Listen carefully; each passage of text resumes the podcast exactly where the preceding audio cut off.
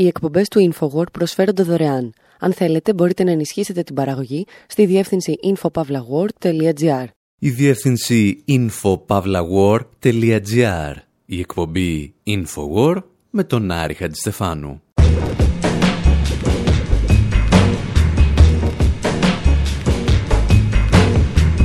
όπου σήμερα παρακολουθούμε τραπεζίτες να διακινούν ηρωίνη, σχεδόν κυριολεκτικά. Απορούμε με όσους απορούν με το γεγονός ότι η τράπεζα HSBC κατηγορήθηκε για άλλη μια φορά για εμπλοκή σε υπόθεση διακίνησης ναρκωτικών. Γιατί υποστηρίζουμε ότι αυτός ήταν ο λόγος για τον οποίο ιδρύθηκε.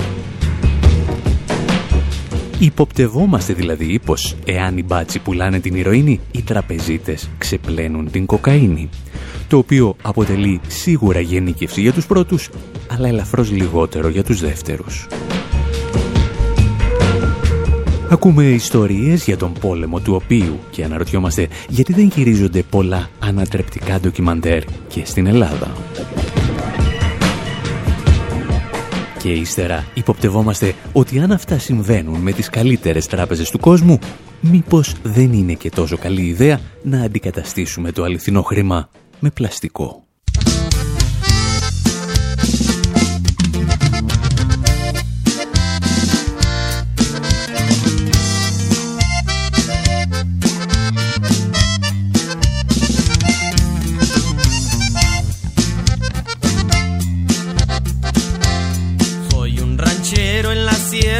Crié.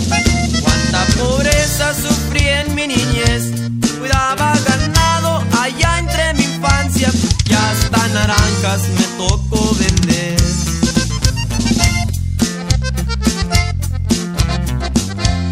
Fue una desgracia lo que yo viví.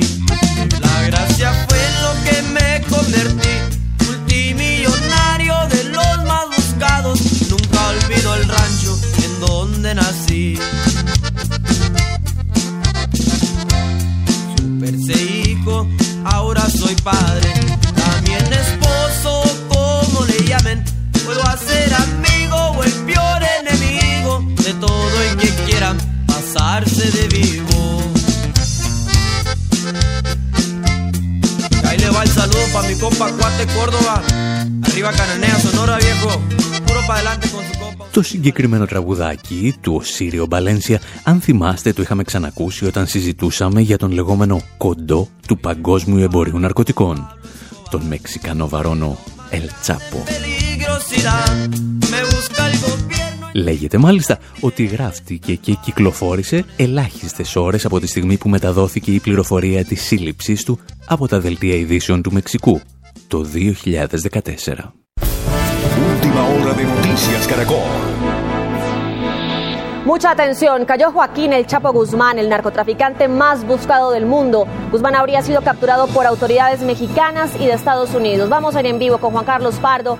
Σχεδόν μισή δεκαετία αργότερα ήρθαν στο φως και κάποιες πληροφορίες για τους φερόμενους ως συνεργούς του El Chapo. Το ακούσαμε πρόσφατα στο καναδικό δικτύο CBC. When Joaquin El Chapo Guzman was operating the world's largest drug cartel Όταν ο Χοακίν Ελ Τσάπο Γκουσμάν λειτουργούσε το μεγαλύτερο καρτέλ ναρκωτικό στον κόσμο από τη Σιναλόα του Μεξικού, έκανε τις τραπεζικές του συναλλαγές μέσω της μεγαλύτερης τράπεζας της Ευρώπης, της HSBC. Οι Αμερικανικές αρχές ανακάλυψαν πως το καρτέλ της Σιναλόα κατάφερε να μετακινήσει 881 εκατομμύρια δολάρια μέσω λογαριασμών της HSBC, καθώς οι αξιωματούχοι της τράπεζας έκαναν τα στραβά μάτια στην παρανομία.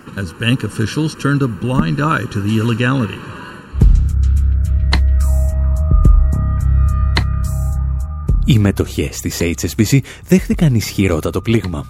Όσοι γνωρίζουν όμως από ναρκωτικά θα σας πούν ότι αυτά είναι επικίνδυνα όταν τα καταναλώνεις, όχι όταν τα ξεπλένεις. Γιατί η HSBC είχε αντιμετωπίσει και στο παρελθόν παρόμοιες κατηγορίες. Αλλά αυτό δεν έπληξε καθόλου τη θέση της στο παγκόσμιο χρηματοπιστωτικό σύστημα. In 2012, the U.S. Justice Department prepared 175 charges against HSBC for money laundering. But then let the company off with a DPA deferred prosecution agreement. Το 2012 το Υπουργείο Δικαιοσύνης των ΗΠΑ παρουσίασε 175 κατηγορίες κατά της HSBC για ξέπλυμα μαύρου χρήματος, αλλά έπειτα την αθώωσε. Η τράπεζα υποσχέθηκε να συμπεριφερθεί καλύτερα και πλήρωσε ένα πρόστιμο ρεκόρ των 1,9 δισεκατομμυρίων δολαρίων. Τώρα, μια 16μηνη έρευνα της Διεθνούς Κοινοπραξίας Ερευνητικών Δημοσιογράφων αποκάλυψε ότι η HSBC επέστρεψε αμέσως στο ξέπλυμα βρώμικου χρήματος τουλάχιστον 4,4 δισεκατομμύρια δολάρια που θεωρούνται ύποπτες προέλευση. Τα στοιχεία προκύπτουν από πληροφορίες υπηρεσιών του Αμερικανικού Υπουργείου Οικονομικών που ερευνούν διεθνή οικονομικά εγκλήματα. Οι σχετικές αναφορές δεν συνιστούν υποχρεωτικά αποδείξει εγκληματικής συμπεριφοράς. Επίσης, οι τράπεζες δεν υποχρεούνται να κλείσουν οργανισμού που θεωρούνται ύποπτοι για ξέπλυμα χρήματος. Η HSBC μάλιστα δεν ήταν η μόνη. Τα έγγραφα δείχνουν ότι η Deutsche Bank, η JP Morgan, η BNY Mellon και άλλες πραγματοποίησαν παρόμοιες ύποπτες συναλλαγές για γνωστούς εγκληματίες.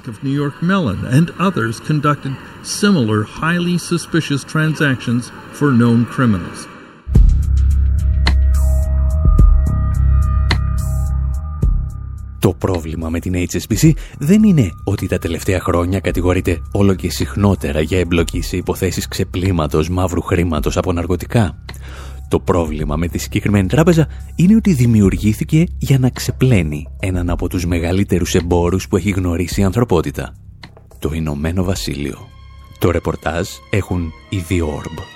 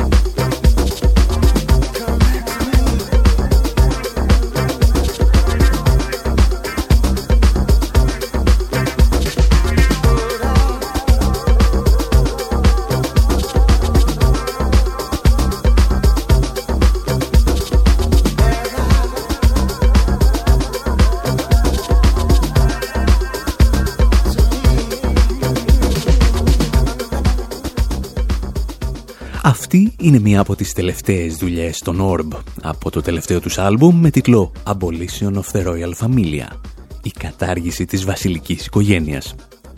Παρεπιπτόντως όλοι λένε ότι είναι το 17ο άλμπουμ ενώ εμείς μετράμε 16. Αλλά για να το λένε όλοι κάτι παραπάνω θα ξέρουν. Στη συγκεκριμένη περίπτωση πάντως δεν μας ενδιαφέρουν ούτε οι στίχοι, ούτε τα μουσικά δάνεια των τραγουδιών, τα οποία ίσως να αναγνωρίσατε ήδη. Μας ενδιαφέρουν μόνο οι τίτλοι. Γιατί όλοι οι τίτλοι των τραγουδιών έχουν μία αποφορά από τα εγκλήματα της Βρετανικής Αυτοκρατορίας. Από το δουλοκτητικό καθεστώς και την καταλήστευση της Ινδίας μέχρι την εισβολή στο Αφγανιστάν. Και το κομμάτι που ακούμε έχει τον τίτλο House of the Narcotics και την υποσημείωση Opium Wars, η πόλεμη του οποίου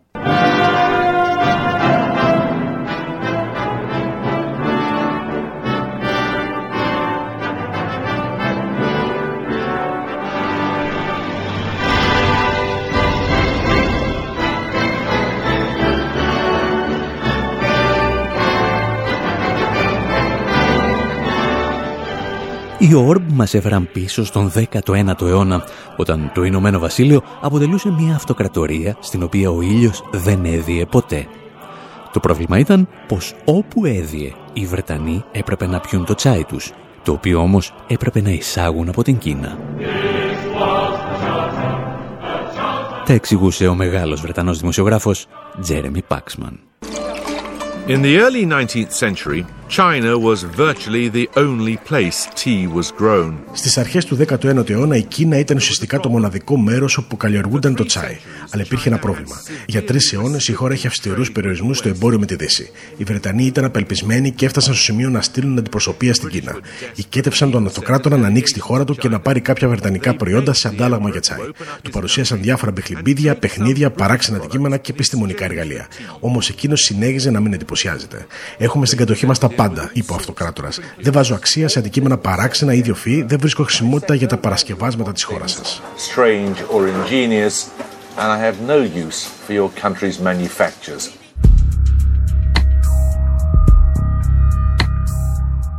Οι Βρετανοί πίστεψαν δηλαδή ότι θα μπορούσαν να εξαγοράσουν τους Κινέζους με χάντρες και καθρεφτάκια. Αυτό όμως στην πραγματικότητα δεν συνέβη ποτέ στην ιστορία με εξαίρεση ίσως διαδοχικές ελληνικές κυβερνήσεις από το 2008 μέχρι σήμερα. Γιατί ακόμη και οι Ινδιάνοι δεν δέχονταν τελικά ανάλογες προσφορές, με αποτέλεσμα οι Ευρωπαίοι απεικιοκράτες να βρεθούν στη δυσάρεστη θέση να τους κατασφάξουν. Οι Βρετανοί όμως είχαν και κάτι άλλο να στείλουν στην Κίνα εκτός από χάντρες για να πάρουν το τσάι της.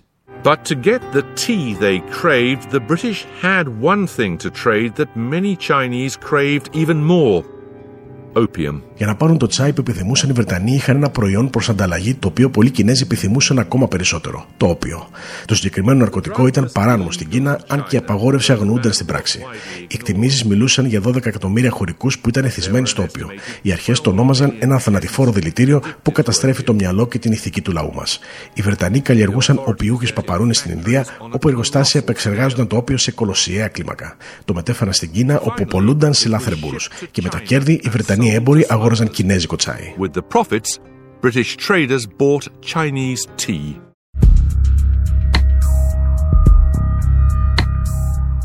Το Ηνωμένο Βασίλειο λοιπόν μετέτρεπε σταδιακά την Κίνα σε ένα έθνος τόξικο εξαρτημένων για να συντηρεί τις εμπορικές του ανάγκες.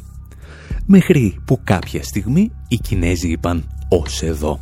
Δεν θα γίνουμε εμείς ο τεκές του πλανήτη για τη δική σας πρωταρχική συσσόρευση κεφαλαίου. Η διατύπωση δεν ήταν ακριβώς αυτή, αλλά καταλαβαίνετε το νόημα. In 1839, the Chinese emperor decided he'd had enough. Το 1839 ο Κινέζος Αυτοκράτορας αποφάσισε ότι η υπομονή του εξαντλήθηκε. Διέταξε την κατάσχεση και την καταστροφή τουλάχιστον χιλίων τόνων βρετανικού οποίου. Η βρετανική κυβέρνηση εξοργίστηκε και επικαλέστηκε μια ιερή και πολύ βολική αρχή, την αρχή του ελεύθερου εμπορίου. Η Βρετανία έχει το δικαίωμα να εμπορεύεται ό,τι και όπου ήθελε, ειδικά στην περίπτωση του οποίου.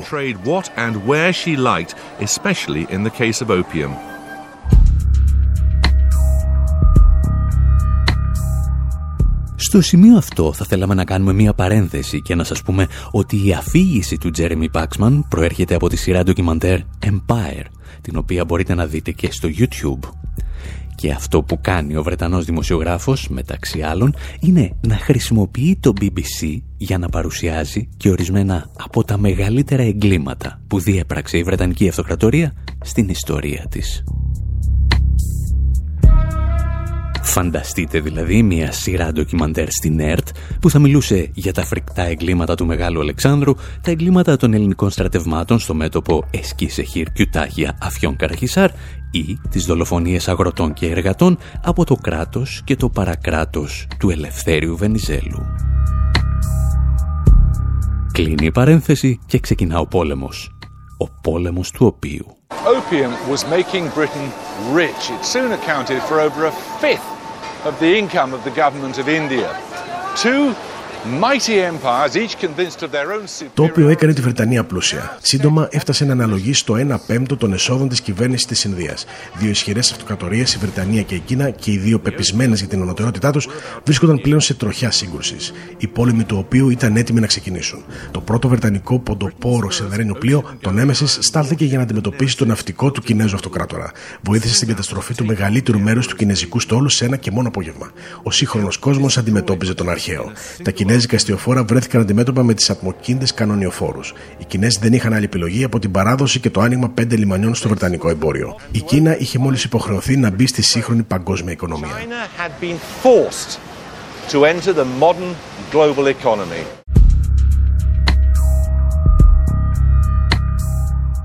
Ο Τζέρμι Πάξμαν μας θυμίζει ότι το αόρατο χέρι της αγοράς χρειαζόταν πάντα τις κανονιοφόρους αυτοκρατοριών για να φτάσει στα πέρατα του κόσμου.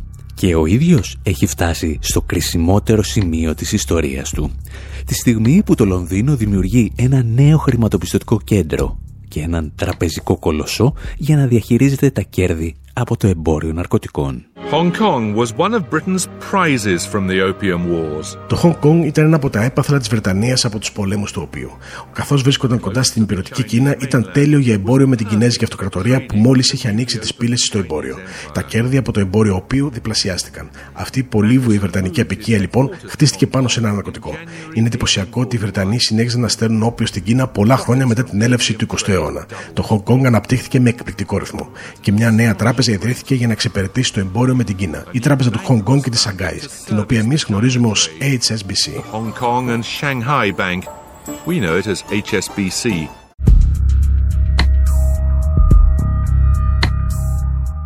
Μετά το τέλος των πολεμικών επιχειρήσεων λοιπόν και το άνοιγμα των κινέζικων λιμανιών στο διεθνές εμπόριο, τα έσοδα από το οποίο διπλασιάστηκαν. Στο παιχνίδι μάλιστα άρχισαν να μπαίνουν και Αμερικανοί επιχειρηματίες, όπως ο παππούς του μετέπειτα πρόεδρου Φράγκλιν Ρούσβελτ.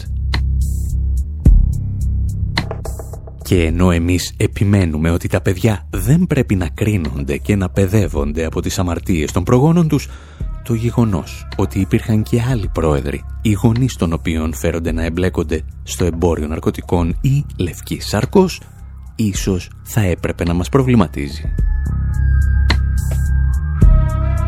Η HSBC πάντως έζησε καλά και σίγουρα καλύτερα από εμάς. Εσείς πάλι μένετε εδώ, γιατί στο δεύτερο μέρος της εκπομπής θέτουμε το εξής ερώτημα. Εάν ορισμένες από τις μεγαλύτερες τράπεζες του πλανήτη κατηγορούνται για εγκλήματα όπως το εμπόριο ναρκωτικών, είμαστε σίγουροι ότι θέλουμε να καταργήσουμε τα μετρητά και να τους προσφέρουμε τον πλήρη έλεγχο της κυκλοφορίας χρήματος;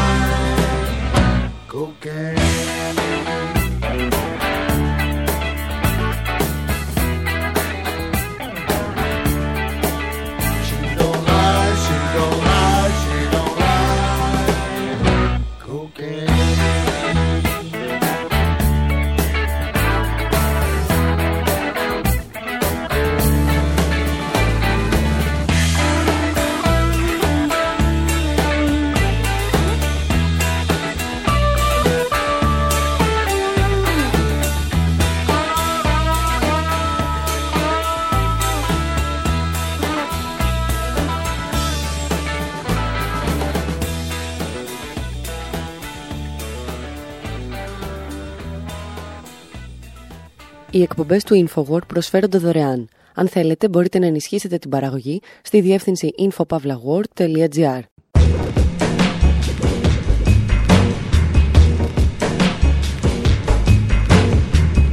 Όπου σήμερα προσπαθούμε να πληρώσουμε έναν ζητιάνο με πιστοτική κάρτα. Συζητάμε με έναν από τους σημαντικότερους οικονομικούς συντάκτες της Γερμανίας για τον πόλεμο που έχουν κηρύξει οι τράπεζες στα μετρητά και συνειδητοποιούμε ότι τα πράγματα δεν είναι τόσο απλά όσο θέλουν να πιστεύουμε. Φουσκώνουμε και σκάμε τις οικονομικές φούσκες του μέλλοντός μας και μας μένει μια πικρή αίσθηση ότι θα είναι μεγαλύτερες και πολύ πιο καταστροφικές. I made it run against time. Once I built a railroad, and now it's done. But I can't spare. Once I built a tower, way up to the sun, and mortar and lime. Once I built a railroad, and now it's done. Brother, can you spare a dime? Μου έλεγαν, τραγουδά ο Tom Waits, ότι χτίζω το όνειρο και έτσι ακολούθησα το πλήθος. Όταν υπήρχε η γη να καλλιεργήσω και όπλα για να κρατήσω, ήμουν πάντα εκεί. Μου έλεγαν ότι χτίζω ένα όνειρο, με ειρήνη και δόξα. Αλλά τώρα πρέπει να κάθομαι στην ουρά για λίγο ψωμί. Ο Tom Waits διασκευάζει ίσως το σημαντικότερο τραγούδι της αμερικανικής μεγάλης ύφεσης της δεκαετίας του 30. Τραγουδά για μια γενιά βετεράνων του πολέμου που υπάκουσαν κάθε εντολή και ύστερα βρέθηκαν στις ουρές των συσιτίων και στη ζητιανιά και συνεχίζει σε ελεύθερη απόδοση. Φιλαράκο, μήπως έχεις 50 λεπτά; Buddy, can you spare a dime? Για την ακρίβεια, ο Tom Waits μας ζητά ένα dime, δηλαδή 10 cents του δολαρίου. You called me out. Αυτό που μας ενδιαφέρει όμως σήμερα είναι αν σε λίγα χρόνια θα έχουμε οποιοδήποτε νόμισμα ή χαρτονόμισμα να δώσουμε σε ένα ζητιάνο. Για την ακρίβεια, αν θα υπάρχουν νομίσματα και χαρτονομίσματα ή όλες οι συναλλαγές θα πραγματοποιούνται ηλεκτρονικά. Ένα παρόμοιο ερώτημα είχε θέσει πριν από ένα χρόνο ο Ρίτσαρντ Ράιτ, καθηγητής στο Πανεπιστήμιο της Τζόρτζια. Τον ρώτησαν αν τα μετρητά θα καταργηθούν στις Ηνωμένες Πολιτείες και αυτός απάντησε «Πού να δείτε τι γίνεται στη Σουηδία». And the declining cash isn't limited to the United States. In fact, you know, we're not even world leaders in the, in the declining cash. Sweden holds that title. Ο περιορισμός στη χρήση μετρητών δεν προζερίζεται μόνο στις ΗΠΑ. Η Σουηδία είναι ο βασιλιάς σε αυτόν τον τομέα. σω να μην το πιστεύετε, αλλά ακόμη και οι άστεγοι στη Σουηδία χρησιμοποιούν πιστοτικές κάρτες. Αρκετοί άστεγοι εκδίδουν ένα περιοδικό που λέγεται Situation και χρησιμοποιούν ασύρματες συσκευές για την αποδοχή πιστοτικών καρτών.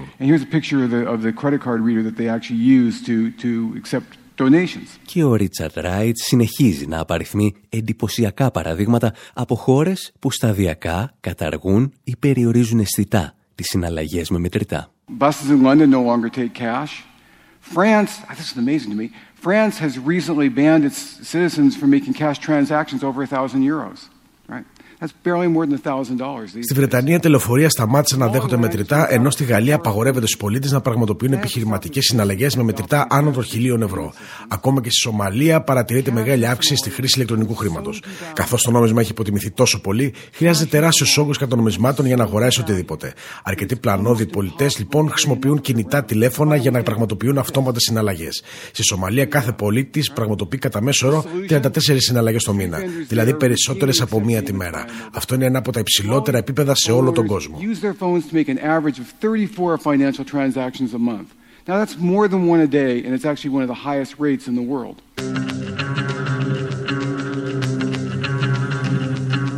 Ο Ρίτσαρτ Ράιτ μιλούσε σε ένα από τα δεκάδες TEDx των Ηνωμένων Πολιτειών. Και αν δεν θυμάστε τι εστί TEDx, είναι εκείνες οι εκδηλώσεις όπου συνήθως σε καλούν να μιλήσεις αν ξέρουν τι θα πεις και ύστερα σηκώνονται όλοι όρθιοι και σε χειροκροτάνε ό,τι κι αν έχεις πει. Για να είμαστε δίκαιοι βέβαια, το πρόβλημα στη συγκεκριμένη ομιλία δεν ήταν μόνο τι έλεγε, αλλά ποιος το έλεγε. Ο Ράιτ είναι ένας εξαιρετικός εγκληματολόγος, αλλά όχι οικονομολόγος. Και το συμπέρασμα στο οποίο κατέληξε είναι ότι αν καταργήσουμε, λέει τα μετρητά, θα πετύχουμε σαρωτικό χτύπημα στο οργανωμένο έγκλημα, το οποίο δεν θα μπορεί να πραγματοποιεί ηλεκτρονικές συναλλαγές. Το οποίο δεν είναι μεγάλο ψέμα, αλλά δεν βρίσκεται και τόσο κοντά στην αλήθεια. Ήδη το οργανωμένο έγκλημα χρησιμοποιεί ηλεκτρονικά νομίσματα για συναλλαγές όπως το bitcoin. Το σημαντικότερο όμως είναι ότι οι μεγαλύτερες τράπεζες του πλανήτη συμμετέχουν στη μεταφορά μαύρου χρήματος. Η Elizabeth Warren, γερουσιαστής στη Μασαγουσέτη, μας θύμιζε παλαιότερα ότι αν ήθελες να ξεπλύνεις τα ναρκοδολάρια που έβγαλες πουλώντας την κοκαίνη σου, δεν υπήρχε καλύτερη τράπεζα από την HSBC. HSBC admitted to money laundering, uh, to laundering το Δεκέμβριο η HSBC παραδέχτηκε ότι ξέπλυνε 881 εκατομμύρια δολάρια από καρτέλ ναρκωτικών της Κολομβίας και του Μεξικού. Αυτό είναι απλώς το ποσό για το οποίο έχουμε στοιχεία. Και δεν το έκαναν μόνο μία φορά. Δεν ήταν ένα περιστασιακό λάθος. Το έκαναν ξανά και ξανά και ξανά. Τους έπιασαν να το κάνουν. Τους προειδοποίησαν να μην το ξανακάνουν και αυτοί συνέχισαν να το κάνουν, αποκομίζοντας τεράστια κέρδη and evidently making profits doing it. Εάν λοιπόν έχεις ένα καρτέλ κοκαίνης στην Κολομβία, δεν χρειάζεσαι μετρητά. Αυτά είναι για να γυρίζουμε τηλεσυρές με τον Πάμπλο Εσκομπάρ. Το μόνο που χρειάζεσαι είναι μια φιλική προς τους εμπόρους τράπεζα για να πραγματοποιείς ηλεκτρονικές συναλλαγές. Και όμως, αυτό το επιχείρημα, ότι δηλαδή τα μετρητά πρέπει να καταργηθούν για να αντιμετωπιστεί το οργανωμένο έγκλημα, θα αρχίσετε να το ακούτε όλο και συχνότερα τους επόμενους μήνες. Γιατί κάποιοι έχουν αποφασίσει ότι η ύπαρξη χαρτονομισμάτων τους ενοχλεί. Εμείς πάντως, για να απαντήσουμε στο ερώτημα γιατί οι τράπεζες σε Αμερική και Ευρώπη κήρυξαν τον πόλεμο στα χαρτονομίσματα, επικοινωνήσαμε με τον Νόρμπερτ Χέρινγκ, οικονομικό συντάκτη της γερμανικής εφημερίδας Handelsblatt. Όταν πάντως ρωτήσαμε τον Χέρινγκ γιατί κάποιοι δεν θέλουν μετρητά, αυτός, αντί να αρχίσει να αραδιάζει οικονομικούς όρους, προτίμησε να μας διηγηθεί μια προσωπική ιστορία. Ακούστε, μας είπε, τι έπαθα τις προάλλες. Πήγα στην τράπεζά μου στο κέντρο της Φραγκφούρτης και δεν μου έδιναν τα λεφτά μου. I was trying to find out whether you can really get your money from the bank uh, at any time. Ήθελα να διαπιστώσω αν μπορείς να βγάλεις τα χρήματά σου από την τράπεζα οποιαδήποτε στιγμή χωρίς όριο. Στην ιστοσελίδα της τράπεζάς μου δεν βρήκα καμία αναφορά σε περιορισμούς. Όταν ρώτησα αν υπάρχει όριο ανάληψης μου είπαν ότι υπάρχει αλλά δεν μπορούν να μου πούν ποιο είναι μέχρι να ζητήσω τα χρήματα. Κάλεσα την Ένωση Τραπεζών, αλλά ούτε αυτοί ήθελαν να μου πούν. Πήγα λοιπόν σε ένα υποκατάστημα και ζήτησα 15.000 ευρώ.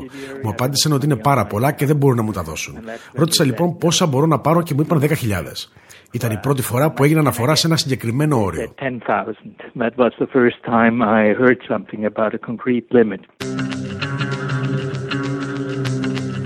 Αυτό που ξεκίνησε σαν μια πρόχειρη δημοσιογραφική έρευνα για τον Χέρινγκ μετατρέπεται σταδιακά σε καυκική φαρσοκομωδία. So I started talking about uh, what shall I do? I want to buy a car.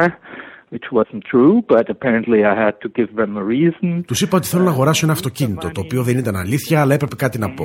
Μου φαινόταν αδιανόητο ότι δεν μπορούσα να πάρω 15.000 ευρώ στο κέντρο της Φραγκφούρτης χωρίς προειδοποίηση τριών ημερών. Τους είπα λοιπόν ότι δεν θα φύγω από την τράπεζα αν δεν πάρω τα χρήματα και μου υποσχέθηκαν να τηλεφωνήσουν στα κεντρικά. Πρώτα όμως φωτοτύπησαν το διαβατήριό μου. Ύστερα με πήγαν σε ένα δωμάτιο και με ρωτούσαν τι αυτοκίνητο θέλω να αγοράσω και αν το θέλω για επαγγελματική χρήση. Επειδή δεν ήμουν προετοιμασμένος, μάλλον εξέλαβαν την καθυστέρηση στην απάντηση σαν μια ακόμη απόδειξη ότι μπλέκομαι σε ξέπλυμα χρήματος. Ύστερα από αυτό μου έδωσαν τα χρήματα σε χαρτονομίσματα των 500. Ήταν λοιπόν προφανές ότι δεν υπήρχε πρόβλημα ρευστότητα στα ταμεία αφού μου έδωσαν χαρτονομίσματα τα οποία συνήθως δεν χρησιμοποιούνται για καθημερινές συναλλαγές which you usually don't need for everyday business. Ο Χέρινγκ είναι βέβαιος ότι η δυστοκία μιας τράπεζας να προσφέρει μετρητά δεν δικαιολογείται ούτε από τη ρευστότητα που υπάρχει ή δεν υπάρχει στο ταμείο της, ούτε φυσικά από την αγωνία των τραπεζιτών για το οργανωμένο έγκλημα. The banks want to get rid of cash for mainly two reasons. One is that Υπάρχουν δύο λόγια για του οποίους οι τράπεζες θέλουν να ξεφορτωθούν τα μετρητά. Καταρχήν, γιατί δεν μπορούν να τυπώσουν οι ίδιες μετρητά, τα οποία λειτουργούν ανταγωνιστικά στο δικό τους χρήμα που είναι ψηφιακό. Από το δικό τους χρήμα αποκομίζουν κέρδος, κάτι το οποίο δεν συμβαίνει με τα μετρητά που τυπώνονται από την κεντρική τράπεζα. Το σημαντικότερο όμως είναι ότι τα μετρητά τους δημιουργούν πιθανό πρόβλημα ρευστότητας. Αν όλοι οι καταθέτες τραβήξουν τα μετρητά, οι τράπεζες δεν έχουν αρκετά για να τα αποκριθούν. Uh, and banks never have as much money as they would need for that. All the bail-in rules that we have now, which means that creditors Με τους νέους κανόνες για τον bail-in, καθορίζεται ότι οι δανειστές θα υποστούν απώλειες πριν χρησιμοποιηθούν τα χρήματα του κράτους για τη διάσωση. Όταν όμως έχεις τα χρήματά σου στην τράπεζα, εσύ είσαι ο δανειστής. Με βάση λοιπόν αυτούς τους κανόνες, μπορούν να υποτιμήσουν τις καταθέσεις μας. Αυτό όμως δεν μπορούν να το κάνουν αν κάνουμε ανάληψη μετρητά όταν διασανθούμε τον κίνδυνο που έρχεται. Γι' αυτό λοιπόν, ειδικά σήμερα, θέλουν να ξεφορτωθούν τα μετρητά. They need to get rid of cash, especially now.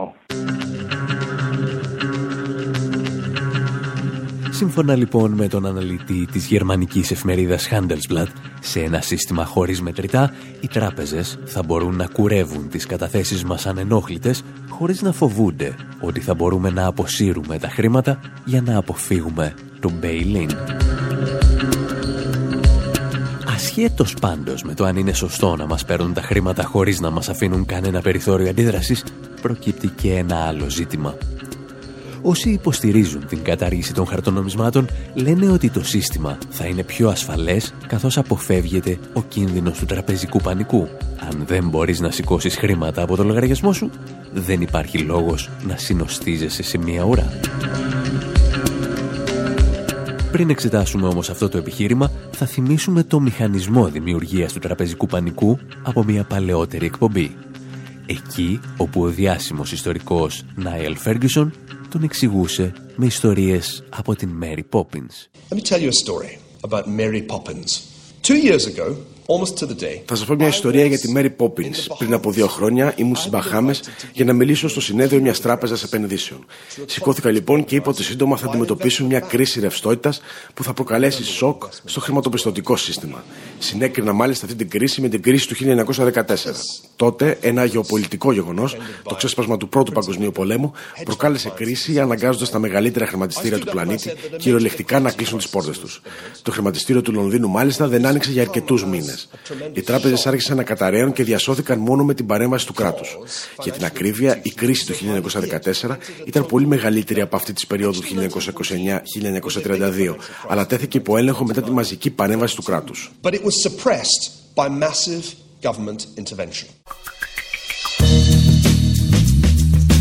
Ο Φέργκισον λοιπόν, λίγους μήνες πριν από την παρολίγων κατάρρευση του παγκόσμιου χρηματοπιστωτικού συστήματος, προειδοποιούσε την αφρόκρεμα των κερδοσκόπων για το τι θα ακολουθήσει.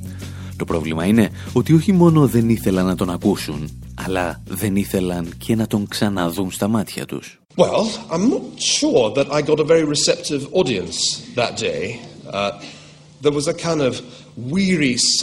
Δεν νομίζω ότι το κοινό ήταν και τόσο δεκτικό εκείνη την ημέρα. Όλοι με κοιτούσαν περίεργα καθώς παρίστανα την Κασάνδρα. Και τότε κάποιος είπε ότι την επόμενη χρονιά, αντί να καλέσουν ένα ακόμη περίεργο ακαδημαϊκό, θα έπρεπε να προβάλλουν την ταινία Mary Poppins. Πληγώθηκα, γιατί έχω κι εγώ αισθήματα. Για να ηρεμήσω, είπα να πάω για τρέξιμο. Αλλά καθώς ανέβαινε ένα λόφο, μου ήρθε μια ιδέα. Mary Poppins. As I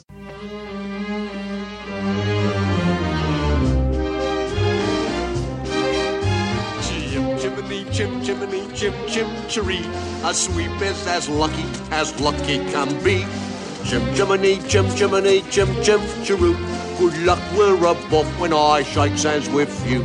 Or blow me a kiss. And that's lucky too. Καθώς ο Νάιλ Φέργκισον λοιπόν έτρεχε να ξεχάσει την προσβολή που είχε δεχθεί από ένα μάτσο τραπεζίτες και κερδοσκόπους, άρχισαν να περνάνε από το μυαλό του σκηνές από την ταινία Mary Poppins. World, there's no happier bloke. Chim chimney, chim chimney. Και ύστερα από λίγα λεπτά θυμήθηκε ίσως την πιο συγκλονιστική για έναν οικονομολόγο σκηνή της ταινίας. Εκεί όπου μια μικρή παρεξήγηση προκαλεί τραπεζικό πανικό οδηγώντας σε κατάρρευση τη μεγαλύτερη τράπεζα του Λονδίνου. Mary Poppins. And I remembered that scene.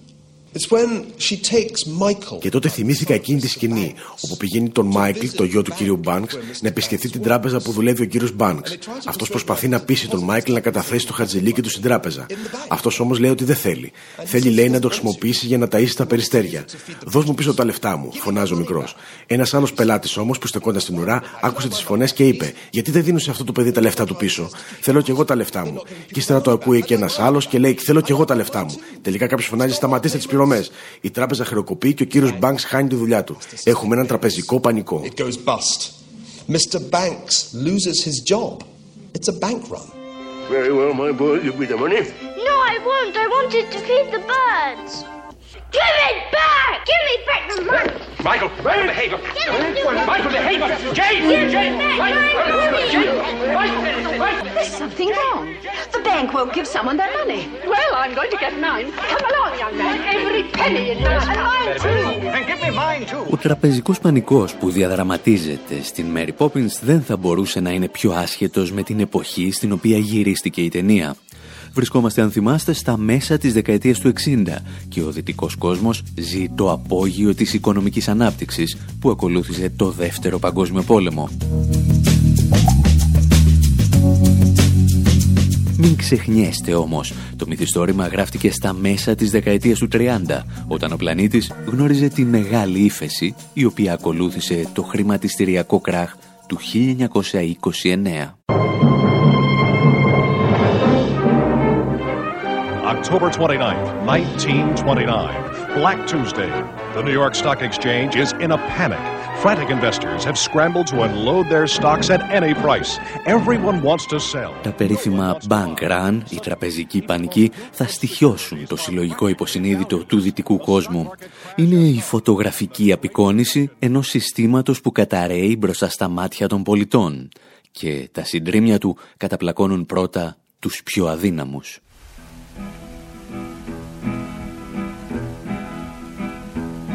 I was standing down in New York town one day. Standing down in New York town one day. I was standing down in New York town one day. Singing, hey, hey, hey, hey. I was broke, I didn't have a dime. I was broke, I didn't have a dime. Yes, sir, I was broke, I didn't have a dime. Singing, hey, Ο τραπεζικός πανικός είναι μια έννοια παλιά όσο και το τραπεζικό σύστημα. Αν θα έπρεπε να απλοποιήσουμε έως απλουστεύσεως τον μηχανισμό που τον προκαλεί, θα λέγαμε ότι όλα ξεκινούν από το γεγονός ότι οι τράπεζες δεν διατηρούν στα χρηματοκιβώτια τους όλα τα χρήματα που τους δίνουν οι καταθέτες τους. Singing, hey, hey, Κάποια από αυτά τα χρήματα επενδύονται και κάποια γίνονται δάνεια και έτσι η τράπεζα αποκομίζει το κέρδος της. Παράλληλα όμως αυξάνει και την κυκλοφορία του χρήματος στην αγορά ή όπως λέμε δημιουργεί χρήμα.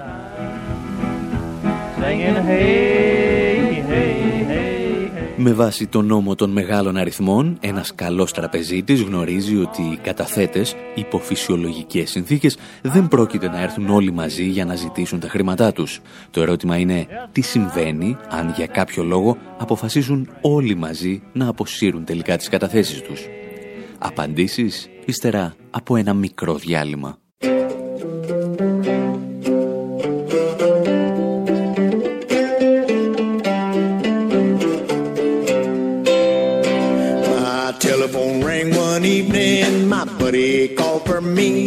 Said the bankers all are leaving. You better come round and see. It's starting revelation. They rob the nation blind. They're all down at the station. No banker left behind. No banker, no banker, no banker could I find. They were all down at the station. No banker left behind.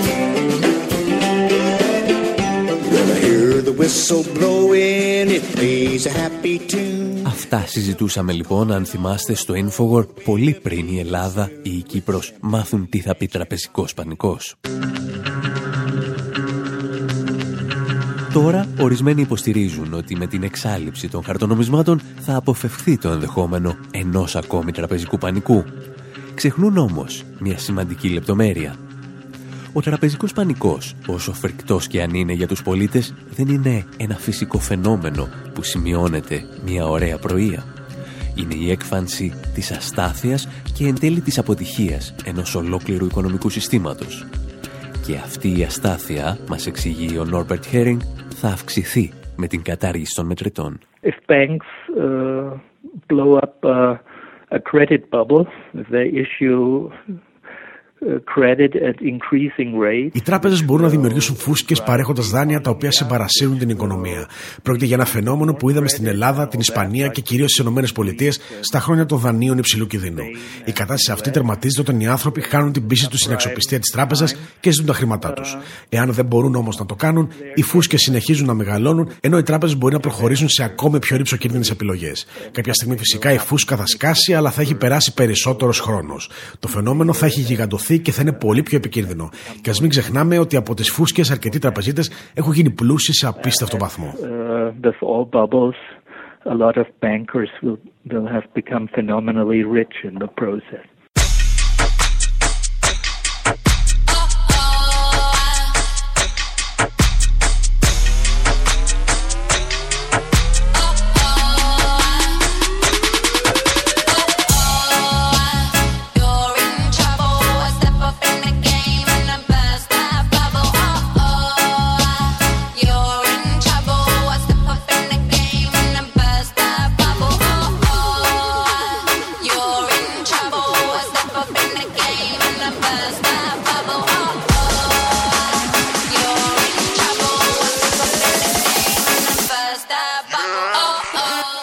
Φίλε, μας εξηγεί η μία, έχεις πρόβλημα γιατί μπαίνω στο παιχνίδι σου και σπάω τη φούσκα που έχεις δημιουργήσει.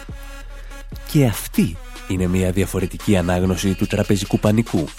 Είναι η στιγμή που οι πολίτες παρεμβαίνουν στην οικονομία καζίνο και ζητάνε πίσω τα λεφτά τους. Αν μπορούν να τα αποσύρουν σε χαρτονομίσματα, ίσως και να τα σώσουν. Αν δεν μπορούν, η τράπεζα θα συνεχίσει να τζογάρει σαν να μην υπάρχει αύριο. Μέχρι στιγμής, ο πόλεμος εναντίον των χαρτονομισμάτων φαίνεται να διεξάγεται ανάμεσα στις ιδιωτικές τράπεζες και τους πολίτες. Όπως μας υπενθυμίζει όμως ο Νόρμπερτ Χέρινγκ, οι τράπεζες έχουν τους δικούς τους ανθρώπους σε θέσεις κλειδιά. Όπως λόγω χάρη στην Κομισιόν, στην Ευρωπαϊκή Κεντρική Τράπεζα και στο Διεθνές Νομισματικό Ταμείο. Uh, they're very much involved, even though uh, Mario Draghi, the head of the ECB, Η Ευρωπαϊκή Ένωση συνδέεται άμεσα με αυτή την προσπάθεια παρά το γεγονός ότι ο επικεφαλής Ευρωπαϊκής Κεντρικής Τράπεζας, ο Μάριο Τράκη, κρατά χαμηλό προφίλ στο συγκεκριμένο ζήτημα. Πιστεύω όμως ότι παίζει καθοριστικό ρόλο σε αυτή τη διαδικασία. Καταρχήν, η Ευρωπαϊκή Κεντρική Τράπεζα συμβουλεύει τις κυβερνήσεις να μην γίνονται συναλλαγές με μεγάλα ποσά σε μετρητά. Παραλείπει βέβαια να αναφέρει ότι αυτό παραβιάζει το άρθρο 128 της Συνθήκης Ευρωπαϊκής Ένωσης που αναγνωρίζει τα τραπεζογραμμάτια σαν νόμιμο χρήμα.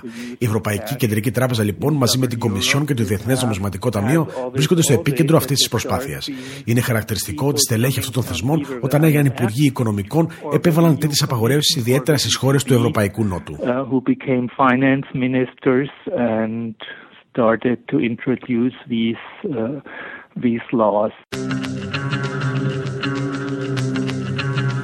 Με σκέψεις σαν κι αυτές από τον Νόρμπερτ Χέρινγκ λέμε να σας αφήσουμε. Μέχρι την επόμενη εβδομάδα πάντως, από τον Άρη Χατζηστεφάνου στο μικρόφωνο και τον Δημήτρη Σαδόπουλο στην τεχνική επιμέλεια, γεια σας και χαρά σας.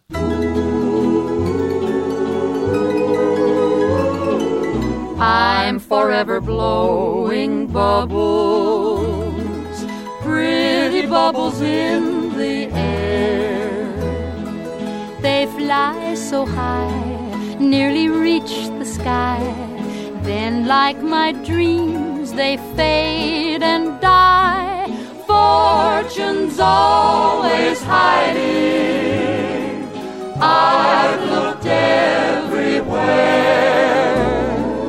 I'm forever blowing bubbles, pretty bubbles in the air.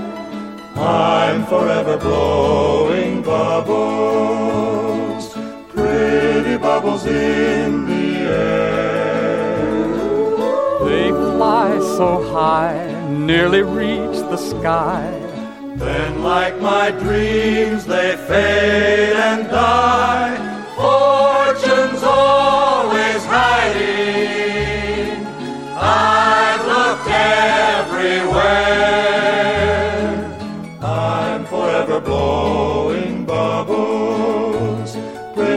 Pretty bubbles. I'm forever blowing bubbles, pretty bubbles in the air. They fly so high, nearly reach the sky. Then, like my dreams, they fade and die. Fortune's